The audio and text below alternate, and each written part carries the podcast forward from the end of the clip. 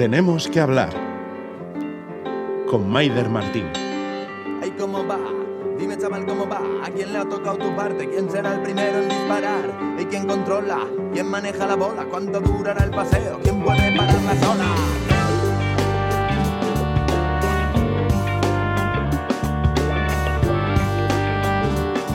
Hola, ¿cómo lo llevan? Nosotras les traemos una edición especial de Tenemos que hablar, especial porque nos pilla fuera. Por eso vamos a recuperar algunas conversaciones que hemos mantenido en el programa y que están todavía de actualidad. Volvemos a poner el foco sobre el cannabis.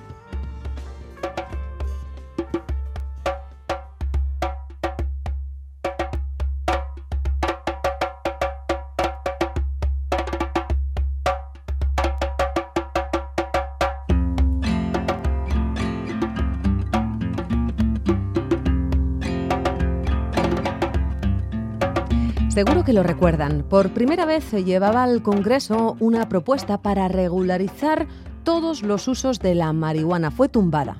A comienzos de este mes, en Donostia, se han reunido los clubes canábicos para pedir una regularización de estos más clara, aquí, en Euskadi. Lo hacían bajo el paraguas de la iniciativa Eraikis, que considera que las sentencias del Supremo y el Constitucional dejan en el aire la capacidad del gobierno vasco de regular el consumo de marihuana en estos clubes sociales. Su regulación se contempla en la Ley de Atención Integral de Adicciones. side.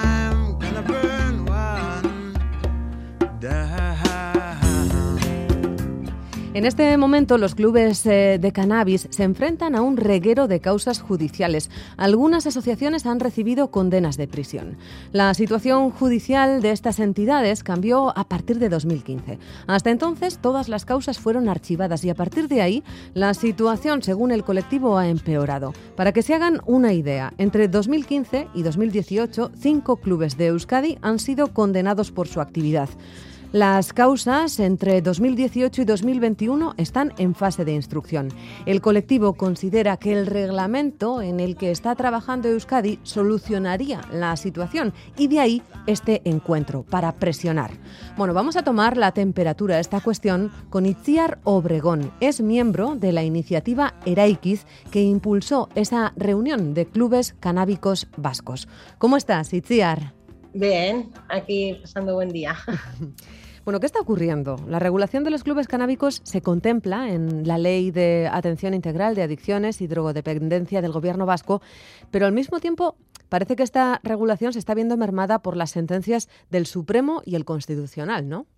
Bueno, pues es una realidad que está presente en los últimos años. Los jueces lo resumen muy bien en las sentencias. Eh, dan el poder, le- Ujú. dan la, opción de regular al poder legislativo, Sí. pero bueno, ellos van modulando un poco eh, las sentencias y van interpretándolas a favor, en principio durante una temporada a favor de, de los clubes y eh, como ha sido la doctrina del consumo compartido o más recientemente el error de prohibición. Que que es lo que te contaba, que ha servido para Sí. absorber a clubes, y, pero en ningún caso está servido para regular ni legalizar nada. Ajá. Va a ser difícil abordar una regulación sin modificar el Código Penal y la Ley de Seguridad Ciudadana. ¿Cuántas personas os reunisteis la, la semana pasada? ¿Representando a cuántos clubes canábicos? Eh, fueron 40 los clubes representados en, en la iniciativa Eraikiz y luego contamos con la aportación de unas 15 personas, eh, personalidades del mundo canábico de, de la zona. Tanto que es la jurídico como eh, técnicos agrarios, etcétera. Eh, eh, ¿Son todos los clubes de Euskal Herria? Sí, en este caso la iniciativa Eraikiz eh, está representando a todos los clubes de, de aquí, de la comunidad autónoma vasca. ¿Y cuáles son las principales conclusiones que habéis sacado, Itziar? Vale, esta respuesta sí que la tendría que, que dar Xavier Arana, que es la persona que ha llevado a cabo, eh, ha dirigido el, el FODA. Ajá. Y bueno, eh, ellos han comprometido para con nosotros hacia la primavera del 2022 de facilitarnos las conclusiones eh, técnicas del evento. ajá. Nosotros como organización estamos muy contentos. Nuestra primera conclusión es estamos muy satisfechos de, de la asistencia que ha venido de clubes representados. Sabemos que no son todos. Mm, Hemos tenido relativamente poco tiempo para organizar el, evento con todo el tema de los aforos y COVID y tal. Entonces, bueno, respecto a eso estamos muy contentos. La gente fue muy participativa in situ, entonces deseamos que, la UPV en este caso tenga mucho trabajo para, redactar el, futuro, las futuras conclusiones de este evento. Porque este, este evento... Em, Claro, lo generasteis vosotros, iniciativa X, pero ¿cuál es el papel de, la UPVHU? La UPV ha sido la coordinadora del evento, el día del evento, o sea, el DAFO. Ellos eh, son expertos en realizar este tipo de herramientas, entonces... Recuérdanos que es un DAFO, para los que no lo saben. El DAFO es una herramienta científica eh, para em, averiguar debilidades y fortalezas que tiene un grupo, una masa social. Entonces, en este caso, eh, nosotros queremos presentar las conclusiones al, gobierno vasco para que las tenga bien para el futuro reglamento de, asociaciones que está redactando dentro del marco de, la ley de adicciones de, competencia autonómica. Entonces, bueno, pues hemos elegido esta herramienta con la mayor representación de clubes. Hemos intentado buscar un poco la mayor sensibilidad de ellos. Hay clubes federados, clubes que no, clubes antiguos de moderna creación. Entonces, bueno, pues intentar entre todos hacer unas conclusiones lo más completas posibles. En este momento, ¿cuál es la realidad de los clubes? Pues es una fotografía muy desigual. Por una parte, se le reconoce, aquí en el País Vasco se le reconoce en la ley de adicciones su existencia, en el resto del Estado ni tan siquiera eso, porque los reglamentos que ha habido a nivel provincial o a nivel local han sido tumbados por la ley de, por el Tribunal Constitucional, mejor dicho. Pero bueno, aquí sí que se le reconoce la, existencia de ellos. Otra cosa, o sea, y se le reconoce también los fines ahí a, través, las, a través de las actividades que, que realizan Nathan pero esas actividades no están, digamos, recogidas en un marco legal y es ahí donde entramos en competencias con el gobierno español, que es el que tiene las competencias en regular, por ejemplo, el, cultivo y el transporte de, cannabis. Entonces ahí es donde están las, dualidades. se les reconoce la existencia, pero no se les deja, digamos, hacer todo lo que sus fines se contemplan en sus estatutos. Em, así, grosso modo, eh, en un primer vistazo, sí que concluisteis una cosa que pusisteis sobre, sobre la mesa después de eh, encuentro entre estos 40 clubes canábicos, y fue que se necesita hacer pedagogía con los consumidores. ¿Para qué y por qué? Vale, eh, en principio deberían de entender esos consumidores el reconocimiento de sus derechos y como eso es algo que no, se ha tenido en los últimos años aquí, pues eh, la pedagogía en torno a ello.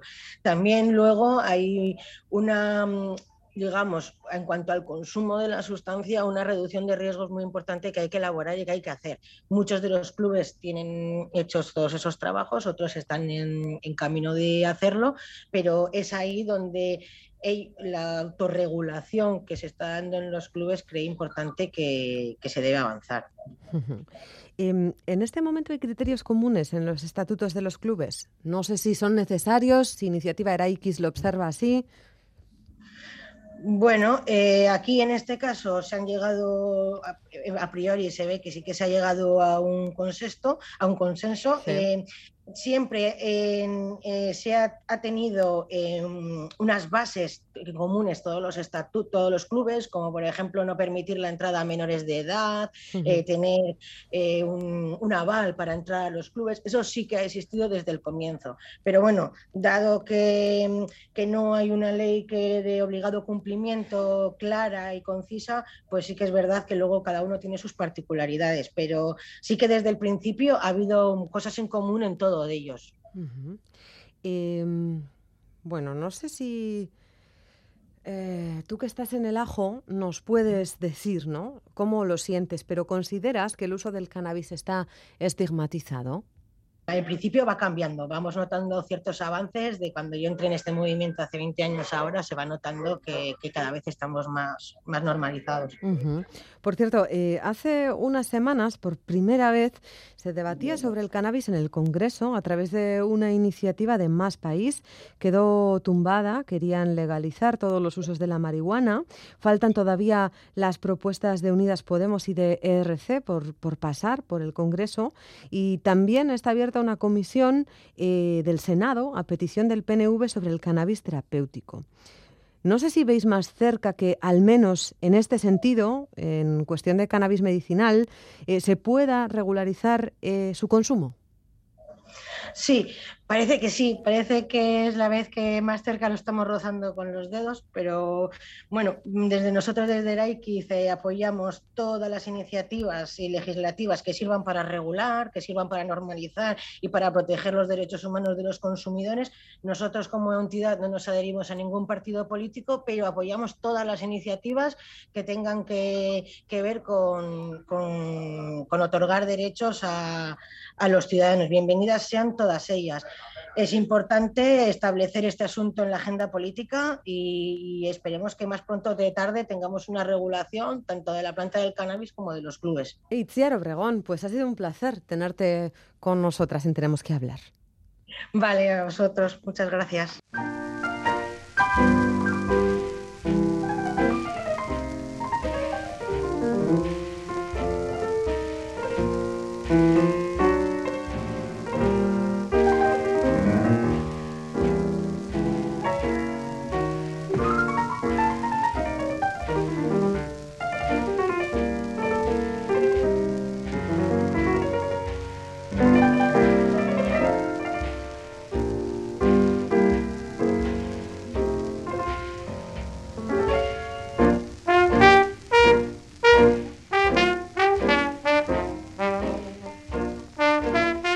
Lo acaban de escuchar, el cannabis se consume en clubes y fuera de ellos. Es una evidencia. Se consume de manera lúdica, pero también de manera medicinal para hacer frente al rastro de dolor intenso que dejan algunas enfermedades raras, el cáncer, la esclerosis, y por esto mismo, por ejemplo, durante el confinamiento, la Unión de Pacientes por la Regulación del Cannabis pedía que se tuvieran en cuenta estas necesidades, porque ha habido personas desesperadas que no podían acudir a los clubes de cannabis para poder acceder a esta planta porque estaban cerrados y por eso no pudieron hacer frente con ella a sus dolores.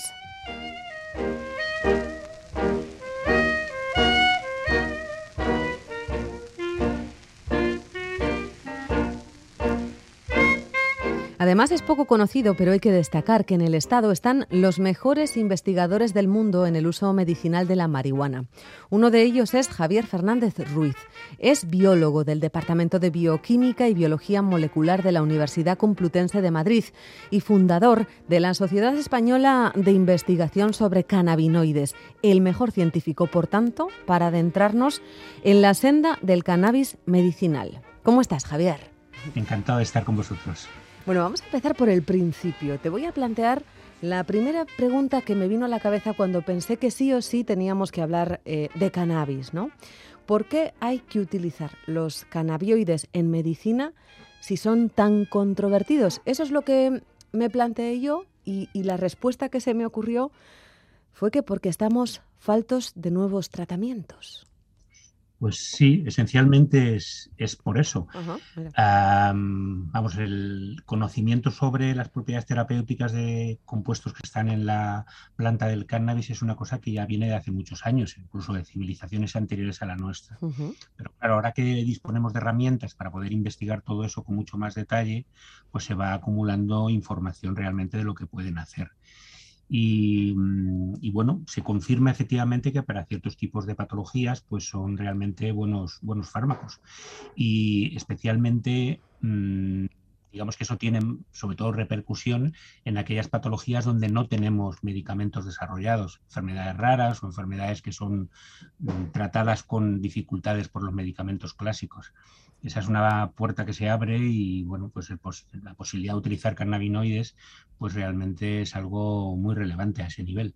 Em, estoy pensando en las enfermedades neurodegenerativas, por ejemplo, el Alzheimer, el Parkinson, el Huntington, donde apenas tenemos eh, buenos medicamentos, prácticamente solo tratan los síntomas y poco más, o enfermedades relacionadas con trastornos alimentarios o relacionados, relacionadas con el dolor, dolor neuropático, los dolores que son difíciles de tratar con los analgésicos clásicos que tenemos en la farmacopea. ¿no? Se abre un campo de posibilidades que yo creo que se está investigando a nivel científico y que de una u otra manera tendría tarde o temprano que llegar a los pacientes. Eh, estamos hablando de cannabinoides. ¿Qué son? Porque a la gente le va a sonar eso de THC, del mm. CBD. Es, es, lioso, pero creo que vale la pena explicarlo para, para poder continuar adelante ¿no? y profundizar un poco.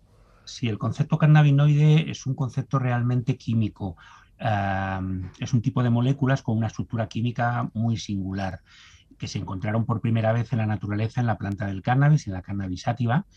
Son los compuestos que tú has mencionado, el tan 9 cannabinol, que lo abreviamos THC, o el cannabidiol, que lo abreviamos CBD. Son compuestos, ya digo, que inicialmente están en, en, la planta del cannabis. Pero cuando se investigó todo el mecanismo de acción de estos compuestos en el organismo, en el organismo humano, se vio que nosotros también somos capaces de sintetizar y de generar una serie de compuestos que los llamamos también cannabinoides. Los llamamos cannabinoides endógenos porque los fabricamos, los fabricamos en nuestras células, las células del sistema nervioso y también fuera del sistema nervioso central. Y luego los químicos han generado muchísimas moléculas en el laboratorio, moléculas que ya no existen en la naturaleza, que existen simplemente en el tubo de ensayo, que se han generado allí y eso constituye, digamos, lo que genéricamente llamaríamos la familia de, los cannabinoides. Cannabinoides de la planta, fitocannabinoides, cannabinoides endógenos, endocannabinoides o cannabinoides sintéticos.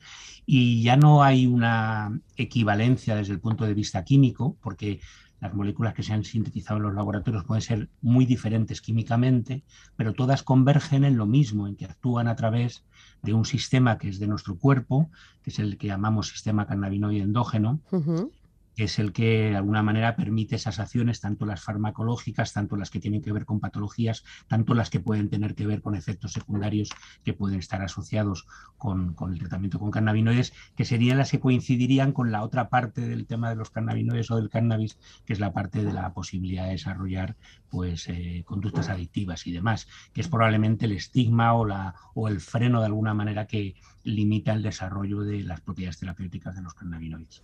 Eso es lo que hoy genéricamente hablamos por cannabinoides o entendemos por cannabinoides. Claro, porque asociado a estos grupos de siglas, ¿no? THC y CBD, el THC tiene efectos psicoactivos, el CBD eh, es una sustancia más relajante y por eso es legal, está permitida. Sí, lo que la diferencia entre el CBD es que el CBD no se une a uno de los elementos que forma parte de este sistema, del sistema endocannabinoide, que es el llamado receptor CB1, que es el que está implicado en la psicoactividad. El THC sí que se une, lo activa y de ahí vienen sus efectos psicoactivos. El CBD no se une y gracias a eso, digamos, no tiene ese perfil psicoactivo. Pero mm, muchas veces el interés terapéutico es más allá de eso, porque hay determinado tipo de efectos que entendemos dentro del campo de lo que sería la aplicación terapéutica que necesitan de la activación del receptor CB1. Mm, es decir, necesitan usar el THC. Exacto. Y aquí estamos en el clásico problema que no es, no es específico del tema de los cannabinoides, ocurre en cualquier medicamento que se desarrolle, la relación riesgo-beneficio. Claro que uno busca que no haya efectos psicoactivos sería lo deseable, pero a veces utilizar un activador del receptor CB1 para una patología cuyos, cuyas consecuencias son mucho más dramáticas que los posibles efectos psicotrópicos, pues realmente, insisto, es esa cuestión de riesgo-beneficio que en cualquier medicamento hay que considerar. Estamos utilizando venenos de la naturaleza, venenos de las arañas, venenos de las plantas, para utilizarlos como fármacos frente a los tumores, como quimioterapia. Y, claro, es mucho más importante, digamos, el beneficio de matar las células tumorales que los posibles efectos secundarios que eso pueda tener, que ya conocemos, la caída del pelo, en fin, inmunosupresión, toda una serie de circunstancias. Pero en cualquier patología siempre hay que tener en cuenta esa, esa cuestión. Tú trabajas con cannabinoides, especialmente en la ELA, esclerosis lateral mm. amiotrófica. Y, ¿Y por qué lo haces? Te has referido antes a que eh, bueno, estas sustancias funcionan especialmente bien para las enfermedades neurodegenerativas, ¿no? Eso es. explícanos por qué, cómo. De ahí viene un poco nuestro interés por el tema de los cannabinoides. Siempre, ahora nuestra enfermedad más importante es la ELA, donde tenemos ahora mismo el proyecto financiado por el Ministerio actualmente, pero, pero empezamos realmente por la enfermedad de Huntington, por la enfermedad de Parkinson, con diferentes tipos de patologías neurodegenerativas. ¿no? ¿Por qué las consideramos interesantes? Primero porque con el permiso del COVID, pues realmente se van a convertir en las enfermedades, digamos, más emergentes en el siglo XXI. Cada vez vivimos más y estas enfermedades están claramente asociadas al envejecimiento. Contra más vivimos, le damos más oportunidades a estas enfermedades de que aparezcan. Digo con permiso del COVID porque es verdad que el COVID se ha centrado también en esa población de gente mayor, mm. realmente, y bueno, nuestro crecimiento en España de la esperanza de vida que se venía produciendo en los últimos 50, 100 años, pues de alguna manera se ha visto modificado por esta cuestión de, por esta pandemia que hemos tenido, ¿no? Pero vamos, va a ser un problema real, es un problema real en las enfermedades neurodegenerativas. Cada vez vamos a tener más gente con demencias tipo Alzheimer, con patologías de tipo Parkinson, etcétera, etcétera. Y la gran dificultad ahí es que no tenemos medicamentos para estas enfermedades. Lo poco que existe es poco efectivo y además solo trata los síntomas. Entonces tenemos grandes necesidades de buscar fármacos de este tipo, lo que en términos de farmacología y terapéutica se llaman fármacos modificadores de la evolución de la enfermedad que hacen que esta vaya más lenta, incluso que la podamos parar, incluso que podamos revertir lo que sucede previamente al diagnóstico, en el que la enfermedad ya existe, aunque no haya diagnóstico, y ya está deteriorando nuestro cerebro. ¿no? Entonces, esta es una cosa que sabemos que los cannabinoides pueden hacer. Vamos, que eh, si no hay tratamientos eficaces para este tipo de enfermedades neurodegenerativas, abrirnos a los cannabinoides es favorecer esa cosita que viene en la Constitución, ¿no? Derecho a la salud, por ejemplo. Exacto, exacto. En realidad todo el tema de las propiedades terapéuticas del, cannabis o de los cannabinoides está realmente fundamentado en eso, en el, en el derecho a la salud. O sea. No sé cómo de avanzadas están vuestras investigaciones y no sé si con el uso de los cannabinoides hay enfermedades que, o patologías como estas que citabas, ¿no? Alzheimer, Parkinson, que se pueden frenar o solo sirven, y cuidado, que, que no sería poco, para poder coexistir con el dolor, con la inflamación. Eh, la parte que tiene que ver con tratar síntomas, esa es una parte que incluso para otras patologías ya ha llegado a la clínica, o sea que ya sabemos bastante sobre, sobre esta cuestión, sobre el efecto analgésico de los cannabinoides. En estas patologías en muchos casos hay dolor. También, por ejemplo, el efecto oresígeno de los cannabinoides es es un efecto que es muy conocido. Eh, la gente que siempre que fuma cannabis, por ejemplo, siempre experimenta una sensación de apetito después de fumar un porro. Y ese es un, efecto que tiene una explicación desde el punto de vista molecular muy clara.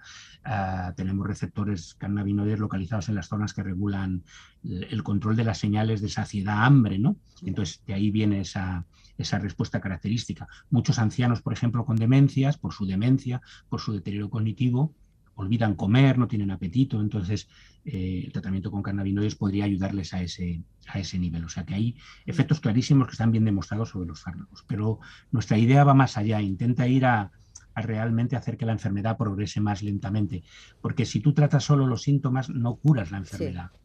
Ahora que hablamos eh, de investigación, claro, contigo Javier, buscando información sobre este tema, encontraba que España es líder en, la investigación del cannabis, también en su producción, pero solo hay cuatro empresas autorizadas para cultivarlo con fines o médicos o científicos. Sí. Menudo contrasentido, ¿no?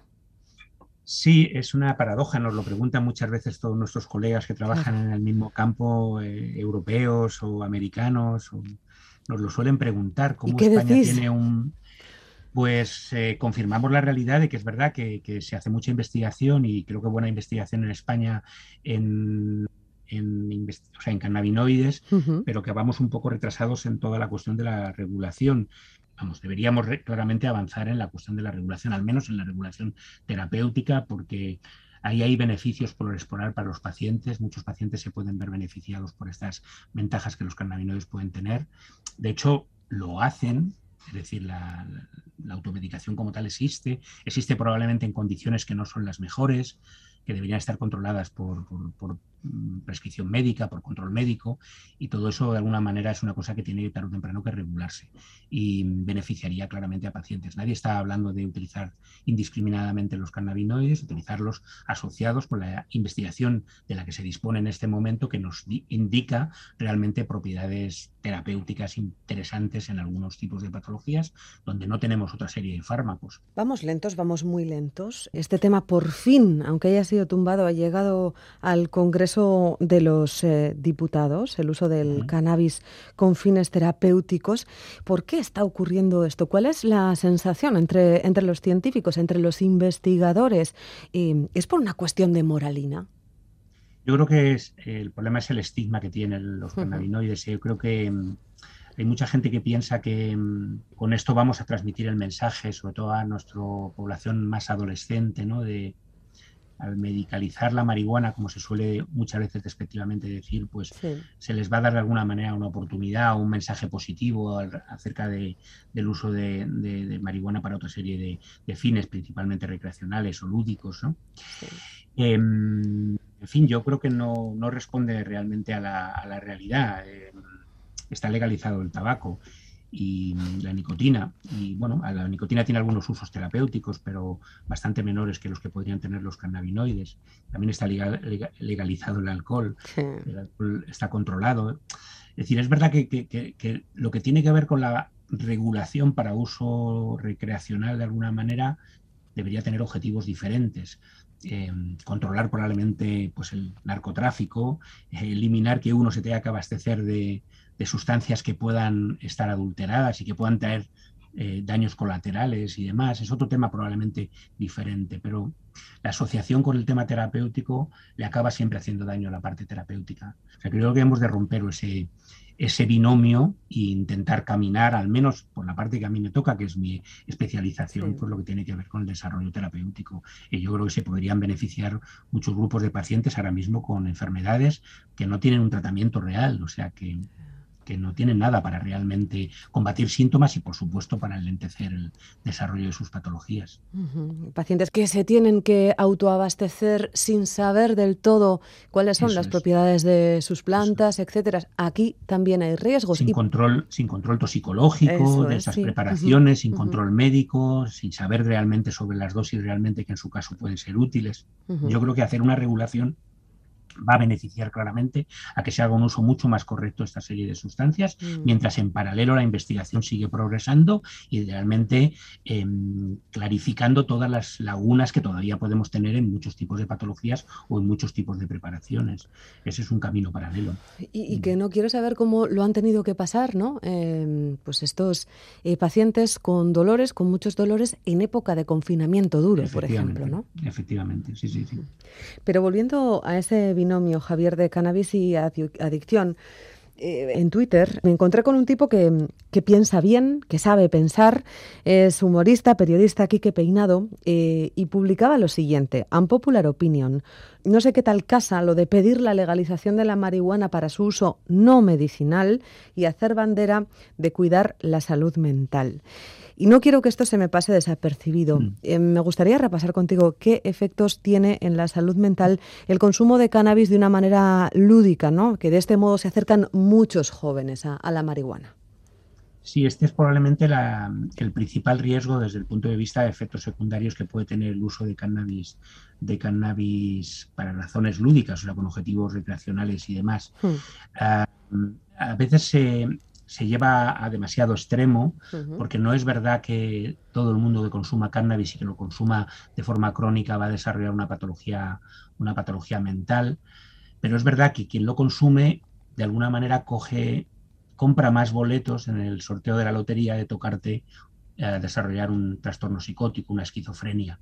El cannabis está entre las causas de riesgo en, el desarrollo de psicosis, eh, en un porcentaje eh, específico, o sea, el que sea, el correspondiente a esa. Pero como están muchas otras cosas a ese nivel. Entonces, si uno consume, consume de forma compulsiva, pues digamos que tiene más posibilidad de desarrollarlo. Pero no, como se ha dicho muchas veces, no es un certificado eh, eh, ineludible de que se va a desarrollar una patología, una patología mental. De hecho, ciertos tipos de cannabinoides se están investigando como posibles fármacos para las patologías mentales. El caso del CBD, singularmente, del cannabidiol, para el tratamiento de los trastornos de la ansiedad y de la, y de la depresión. Incluso hay alguna propuesta de psiquiatras alemanes de utilizarlo precisamente como un nuevo antipsicótico. Pero yo preferiría irme al otro escenario, que es el de patologías que no tienen nada, que es donde realmente hay una gran oportunidad para los cannabinoides eh, para poder ser desarrollados como nuevos fármacos. Esa es la parte realmente que me parece más razonable, sobre todo cuando no hay otra cosa, digamos, esa relación riesgo-beneficio, pues de alguna manera se, balancea hacia que realmente valga la pena utilizar el fármaco, a pesar de los posibles riesgos que puedan tener, entre ellos la posibilidad de desarrollar una psicosis, que viene a ocurrir aproximadamente entre un 7 a un 10% de los sujetos, más o menos. Esas son lo que nos dicen las estadísticas. El derecho a la salud, lo que decíamos al principio. Por cierto, por terminar, Javier, no sé si conoces, creo que sí, a Ekaitz Aguirre Goitia. Sí, Sí, sí, sí que le conozco. Fui miembro del tribunal de su tesis hace muchos años. Sí, sí, sí. Muy buen investigador. Se formó en el terreno de los cannabinoides y muy buen investigador, de los, muy buenos que tenéis ahí en el, en el país, de la buena gente joven que se forma en este campo y que desarrolla una carrera muy, muy activa. Mm. ¿Y cómo es la vida? Eh? Que Ekaitz eh, no era consumidor de cannabis, era investigador y la salud y la vida le llegó a tener que utilizarlo con fines terapéuticos, ¿no? Efectivamente, efectivamente. Pues te hablaba de él porque ahora que termino contigo voy a bajar al bar, a un bar que tenemos aquí cerquita de la radio y me voy a encontrar con él para seguir hablando de, pues de le das Recuerdos, le das recuerdos y espero que siga, que siga bien con sus tratamientos y demás. Estupendo. Javier Fernández. Muy bien. Ha sido un placer eh, que nos hayas visitado aquí en Tenemos que hablar hoy de, de cannabis. Muchas gracias a vosotros por invitarme. un, un abrazo. haber estado con vosotros. Hasta luego. Chao.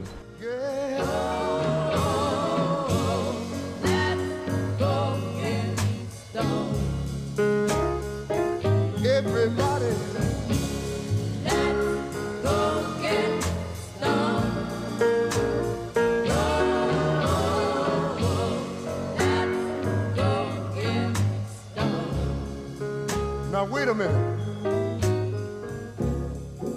You know my baby, she won't let me in. I've got a few pennies. I'm gonna buy myself a bottle of gin.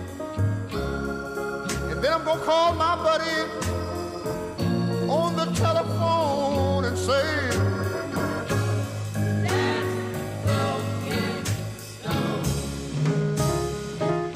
listen. You know I work so hard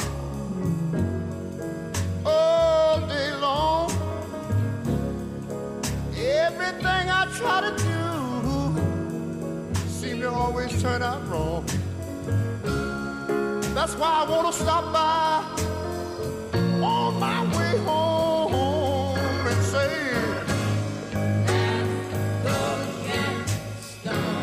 Now let me tell you one more thing. Ain't no harm to have a little taste, but don't lose your cool and start messing up the man's place. Ain't no harm take a little nip, but don't you fall down bust your lip. Mm, no, no.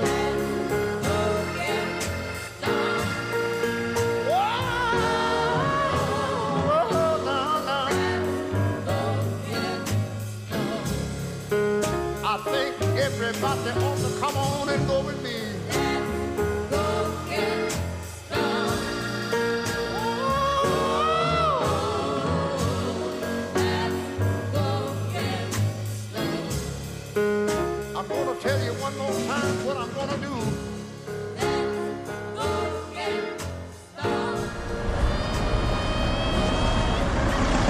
Realmente la radio y el bar en el que he quedado con Ekaitz no están tan cerca. ¿eh? Hemos quedado en el Muro Berría, en Bilbao, porque le viene bien a nuestro interlocutor, porque hay que facilitar la vida a la gente que decide hablar de sí mismo, desnudarse un poco en la radio. Ekaitz nos va a contar su historia, la de un tipo que llevaba toda su vida profesional investigando la aplicación de la marihuana en la medicina y de repente un día la tiene que usar él para paliar los fuertes dolores que le dejan tres enfermedades que pasan por su cuerpo y que acaban con su colon y su ano. Imagínense.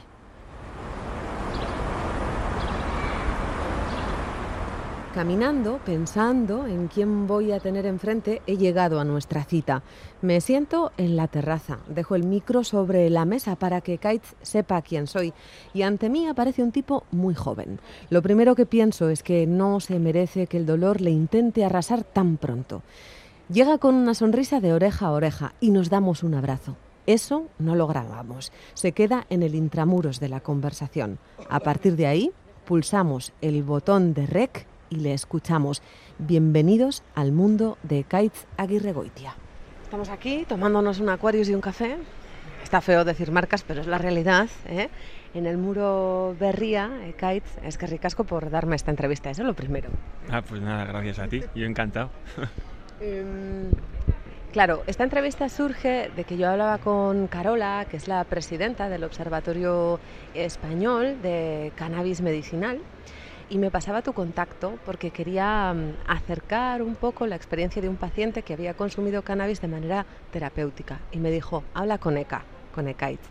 Y aquí estamos. Así que lo primero que quiero es que me cuentes eh, porque tu caso es un poco especial. Has sido consumidor de cannabis con fines medicinales, pero es que al principio de los tiempos, ¿no? Lo que eras era investigador del el uso terapéutico o medicinal del cannabis. ¿Cómo, cómo fue esto? ¿Cómo, te metiste en ese mundo como investigador?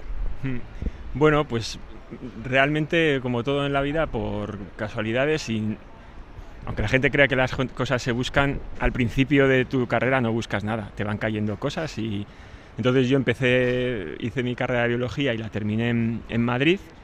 Allí conocí a un laboratorio, pues liderado por Manolo Guzmán, que trabajaban con cannabinoides y cuando empecé a hacer mi tesis aquí en, en la UPV, en la Facultad de Medicina, trabajaba en reproducción y en el laboratorio en el que estaba, pues trabajaban sobre todo con opiáceos y cómo podían influir en la movilidad de los espermatozoides, etcétera.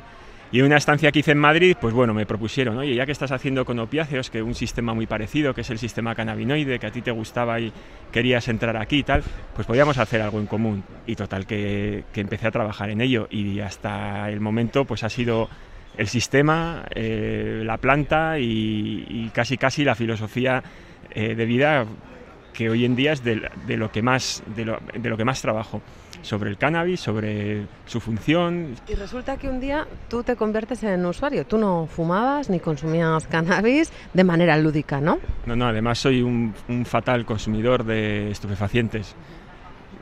Que al final cuando tienes dolor no te queda otro remedio y, yo cuando he estado muy mal y con mucho dolor en el hospital, cuando, cuando venía la morfina, por, muy, por mucho que luego al final te sentaba mal, eh, te quitaba el dolor y estaba muy bien. Con el THC me pasa lo mismo. O no soy consumidor de estupefacientes seguramente porque, porque pienso demasiado lo que va a pasar y al final no acabo ni disfrutándolos. Pero bueno, de tanto leer eh, y hacer revisiones sobre qué papel tenía la función del sistema cannabinoide y los cannabinoides en diferentes procesos, pues me di cuenta que muchos de los procesos que tenía mi enfermedad, que era una colitis ulcerosa, pues era la inflamación. Era era una enfermedad autoinmune siempre leía el papel antiinflamatorio que podía tener los cannabinoides, el papel también hasta cierto punto inmunosupresor que podían tener los cannabinoides y decidí en probar, pues en una época en la que no estaba del todo bien y tenía bastantes brotes de mi enfermedad. Y como siempre empecé con amigos, la lié porque me dio un, colocón que diría la gente y acabé en el hospital. Mis amigos no querían ir porque decían, ahora a quién le decimos que, que ha cogido la marihuana, tal. A mí me da igual, yo prefería que quedara todo presente, y, pero bueno, como, como ves, era todo mental. O sea, al final no aceptas las cosas que te están pasando a nivel psicoactivo y, y bueno, me di cuenta que eso era un que eso era el THC y que bueno, a mí no me había gustado nunca solo por concepto y, y tampoco me gustaba en ese momento. Ahora ya he, descubierto por qué podía pasar eso, he descubierto eh, tener un viaje no muy bueno y estar tranquilo, pues porque muchas veces lo que te quita eh, es menos de lo que te está dando. Entonces, bueno, pues al final poco a poco yo me di cuenta que después de tener ese viaje que te cuento, tuve la mejor semana de mi vida. Es decir, esa... Eh, ¿Qué es tener la mejor semana de tu vida con colitis ulcerosa? Pues eh, de ir al baño entre 8 y 15 veces a ir dos, a no levantarte por la noche, a, no preocuparte por, las sensaciones que tienes todo el rato, a no estar eh, en tensión porque estás dando clase y no sabes si vas a llegar al baño. La mejor semana. Y entonces, como había sido la mejor semana, dije, bueno, vale, a ver cómo hacemos para no tener que ir al hospital todas las semanas diciendo que me da un brote psicótico ahí de repente. Bueno, le llamo yo brote psicótico, que otra gente le llamará estar súper a gusto, porque quiero decir que en eso yo no soy nada eh, objetivo. Bueno, con, las, con los psicoactivos nadie es objetivo, al final es cada uno tiene su historia. Depende de lo que se agobie cada uno también. A mí me decían mis amigos, pero es que este, este, este componente precisamente es depresor, tú lo sabes mejor que nadie cómo, cómo funciona y tienes que dejarte llevar. Pero si no te dejas llevar. y tú, el biólogo controlador, no se dejaba llevar. vamos, vamos, en la vida. Pero ya digo que, como todo, con el tiempo, pues he sabido hacerle frente a esos, a esos efectos secundarios. Lo que pasa es que no soy consumidor lúdico o adulto, como quieran llamarlo. Eh, no consumo por placer. Nos habíamos quedado en el punto en el que mm, Ekaitz piensa, bueno, a ver cómo hago yo para seguir teniendo las mejores semanas de mi vida desde que tengo esta enfermedad, ¿no? Y, no acabar con un colocón terrible también en el hospital. ¿Cómo hiciste? Pues bueno, fui aprendiendo a dosificarme de otra manera y empecé a utilizar aceites. Como buen biólogo o investigador que has dicho antes, pues lo que hice fue coger un Excel, poner ítems y rellenando todos y cada uno de los días todo lo que hacía. Cuánto consumía, es decir, en miligramos, cuánto THC, cuánto CBD, eh, cuántas veces iba al baño, cómo pesaba, tal. Y lo que me di cuenta es que poco a poco, porque esto es una, una cosa, sobre todo en enfermedades que son crónicas y que son inflamaciones grandes, pues poco a poco fui viendo que iba menos al baño, sobre todo iba menos a la noche, que eso molestaba mucho, y lo más impactante fue que en un año pues cogí 10 kilos cuando no había cogido un kilo en los, anteriores 10 años. Entonces, bueno, pues algo hizo, a nivel objetivo algo hizo, a nivel subjetivo hizo más porque yo me sentía muy bien, pero bueno, como todo, las enfermedades eh, no se curan con, con el cannabis, o vamos a pensar que directamente se van a curar, y puede haber alguna que igual sí. Lo que hace es paliar síntomas nos hablaba antes eh, Javier Fernández, otro investigador con el que hemos hablado justo antes de encontrarnos contigo, que por cierto nos ha dado recuerdos para ti, ¿eh? porque el mundo de lo que estoy aprendiendo yo es que el mundo de los cannabinoides es muy pequeño, ¿no? Es pequeño, sí, pero tampoco está bien decirlo, porque al final parece como que somos una secta y, no, lo que, lo, que, lo, que, lo que tenemos que hacer es pues no sé, igual un poco como hicieron los cristianos en su día, ¿no? Que eran tres y al final se dieron cuenta que eso era la, bueno, pues oye, que la gente vea la divinidad donde quiera. Pero esto lo que hay que hacer es ampliarlo. Es verdad que, que hemos sido poquitos y vamos, y fíjate Javier, pues lleva ahí desde los principios que cuando yo no era ni, ni, no tenía ni vocación investigadora. Y vamos, es una persona de las, de las mejores investigadoras que hay en cannabis a nivel mundial, porque luego es una de las cosas que pasa, que, que en España, por ejemplo, están los mejores investigadores de cannabis del mundo, pero no, se, no están reconocidos ni siquiera por las autoridades de aquí. Pero sí, no, somos tantos, tantos. Tú ah, en este momento no eres eh, consumidor de cannabis por motivos terapéuticos, si lo has sido y si en el momento en el que lo has tenido que utilizar te pillan con un cogollo, unos cuantos, eh, también te enfrentas a multas. No sé si recuerdas a cuáles, a cuánto. Bueno, pero si vienen ahora a mi casa también voy a tener multas, ¿eh? porque yo, yo tengo, tengo hierba y tengo aceites y no tengo ningún problema en decirlo. Eh, seguramente no tengo tanto como para que sea ilegal, porque lo tengo para un consumo muy, muy personal, si algún día me pasa algo, pero claro que, sabemos, es que todos nosotros sabemos que te, la juegas, vamos a decir, a nivel legal. Eh, ya, pero no lo sé, o sea, quiero decir, eh, no sé qué multa o qué dinero o incluso qué estancia en un calabozo puede ser peor que pasar dolor.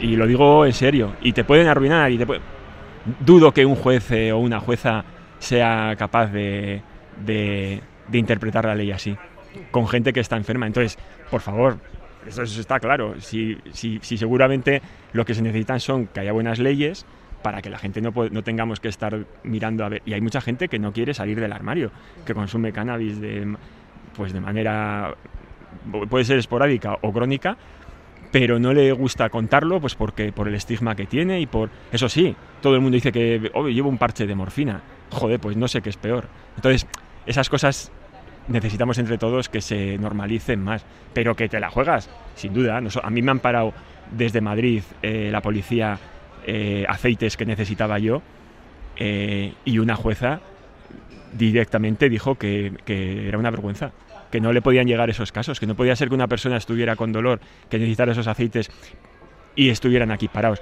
Pero eso es la interpretación de una jueza que tampoco tiene herramientas legales para que eso sea así. Entonces necesita esas herramientas. ¿Tú has llegado a utilizar el cannabis cuando eh, estaba recibiendo sesiones de quimioterapia también? Porque claro, la enfermedad no para. A ti te aminoraba el cannabis el dolor, pero seguía adelante y te tuvieron que llegar a dar quimio, ¿no? Sonríes.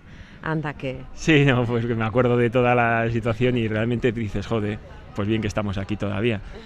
Sí, la enfermedad continuó porque, bueno, tenía, era una enfermedad autoinmune que tenía, vamos a decir que era multifactorial y, bueno, pues derivó en un tumor en el colon, me tuvieron que quitar el, el, colon, eh, luego una recidiva, me tuvieron que quitar también el ano, bueno, al final eh, hubo una metástasis en un ganglio, y entonces eso sí o sí había que dar quimioterapia. En esa quimioterapia, pues no, con las pastillas que te suelen dar para evitar vómitos, más o menos se llevaba bastante bien los primeros días, pero luego había secuelas que te seguían seguías teniendo la boca bastante mal, bastantes náuseas. Y bueno, pues lo probé y lo probé encima con una variedad que para mí estaba muy bien porque eh, no tenía mucho THC, vamos a decir que era una una flor que tenía pues 12 veces a 1 entre CBD y THC. No era muy psicoactiva. No, era muy psicoactiva. Podría serlo si, si, si, seguías con ello, pero el CBD también es verdad que es bastante amortiguador del efecto que hace el THC. Entonces, bueno, pues conseguía eh, relajarme, conseguía no estar pendiente de esas náuseas, conseguía que la náusea desapareciera. Entonces, eh, sin utilizarlo mucho, pero vamos, lo, usaba. ¿Y tú ahora cómo estás? ¿En qué punto estás? Mm. Porque decíamos que no estabas utilizando cannabis, ¿no? No, yo en este momento, pues bueno, al final, como me dijeron los médicos, muerto el perro se acabó la rabia, es decir, te quitan todo lo que estaba mal y, y entonces ya te quedas no mal, que no quiere decir que estés bien. Y entonces cuando pues ahora nada, cada seis meses te tienen que hacer revisiones y bueno, pues parece que estás jugando a la ruleta rusa todo, pues cada seis meses. Pues tienes tus pruebas, tienes tus, tus análisis y, el momento de ir a los médicos, pues eso, pues con ganas de que te digan que sigue todo bien. Que te dicen que está mal, pues como siempre, a volver a empezar, a recolocar la cabeza y ver qué se puede hacer. Bueno, Caiche, hablamos un montón antes de mm, encontrarnos y conocernos físicamente, ¿no? Hablamos un rato por teléfono ayer y yo te decía, no duermo nada. Y tú me respondiste, te voy a llevar un aceite. Mm. ¿Lo has traído? Sí, sí, sí. ¿Me lo enseñas? Sí, sí, claro. Sí. yo creo que, pues es interesante saber que, que, este es un aceite casero y bueno, pues es un aceite que es rico en CBD. No vamos a decir riquísimo, pues porque no tiene un porcentaje del 10%, igual tiene un 1% de CBD. Pero bueno, sí que el CBD lo que hace es, tiene un, papel hipotensor y entonces eh, eh, ansiolítico. Bueno, yo creo que puede, que puede ayudar. Y al final, si no ayuda, lo único que has hecho ha sido tomarte un poco de aceite. Y con muy poquito componente y plantas que se sabe de dónde son y que... Entonces, eh, creo que es, que es interesante. Y bueno, a ver, todo esto, mm, cuando no se puede dormir, normalmente necesitas una ayuda, pero normalmente las necesidades, y eso me lo sé yo también, van mucho más allá, porque es el estilo de vida, es eh, pues eso, la ansiedad de dónde viene. Quiero decir, yo para gestionar mi vida he tenido que ir a psicólogos. Y he tenido, y, entonces hay que, hay que ver también qué, qué cosas nos pasan alrededor, pero sí que es verdad que, bueno, que puede ser un puede ser un en el camino ese, pues, pues un compañero de viaje. Pues ahora me explicas cómo, cómo lo tomo y para eso voy a apagar la grabadora. Es que ricasco, ha sido un placer conocerte y poder hablar contigo así como con un Aquarius, ¿eh? calmadamente y tranquilamente sobre el cannabis. Es que ricasco. Es que ricasco, Siri. Rumiando las palabras de Kite, un dato. El cannabis medicinal, ese que palía el dolor de enfermos como él, genera 250 millones de euros en Europa y apenas nada en el Estado porque no está regulado. El líder absoluto de este mercado en Europa es Alemania, que legalizó el uso medicinal de la marihuana en 2017. Allí se gestionan 267.000 recetas al año y estas, claro, forman parte del Programa Nacional Público. Sobre la legalización del uso medicinal del cannabis se está debatiendo en el Senado en una comisión a este efecto pedida por el PNV que veremos en qué acaba. Y así, con este olor a planta y habiendo dado espacio a las palabras, nosotras nos vamos. Ya saben, tenemos que hablar para encontrarnos. Ondo y Billy.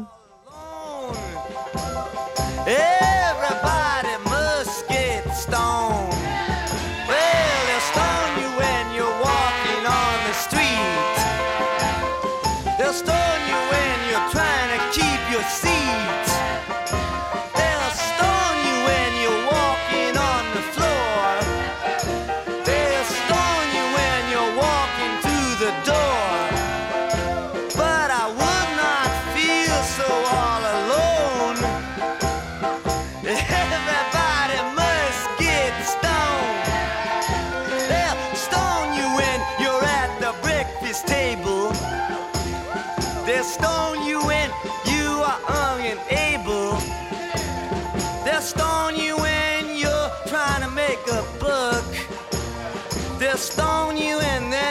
say good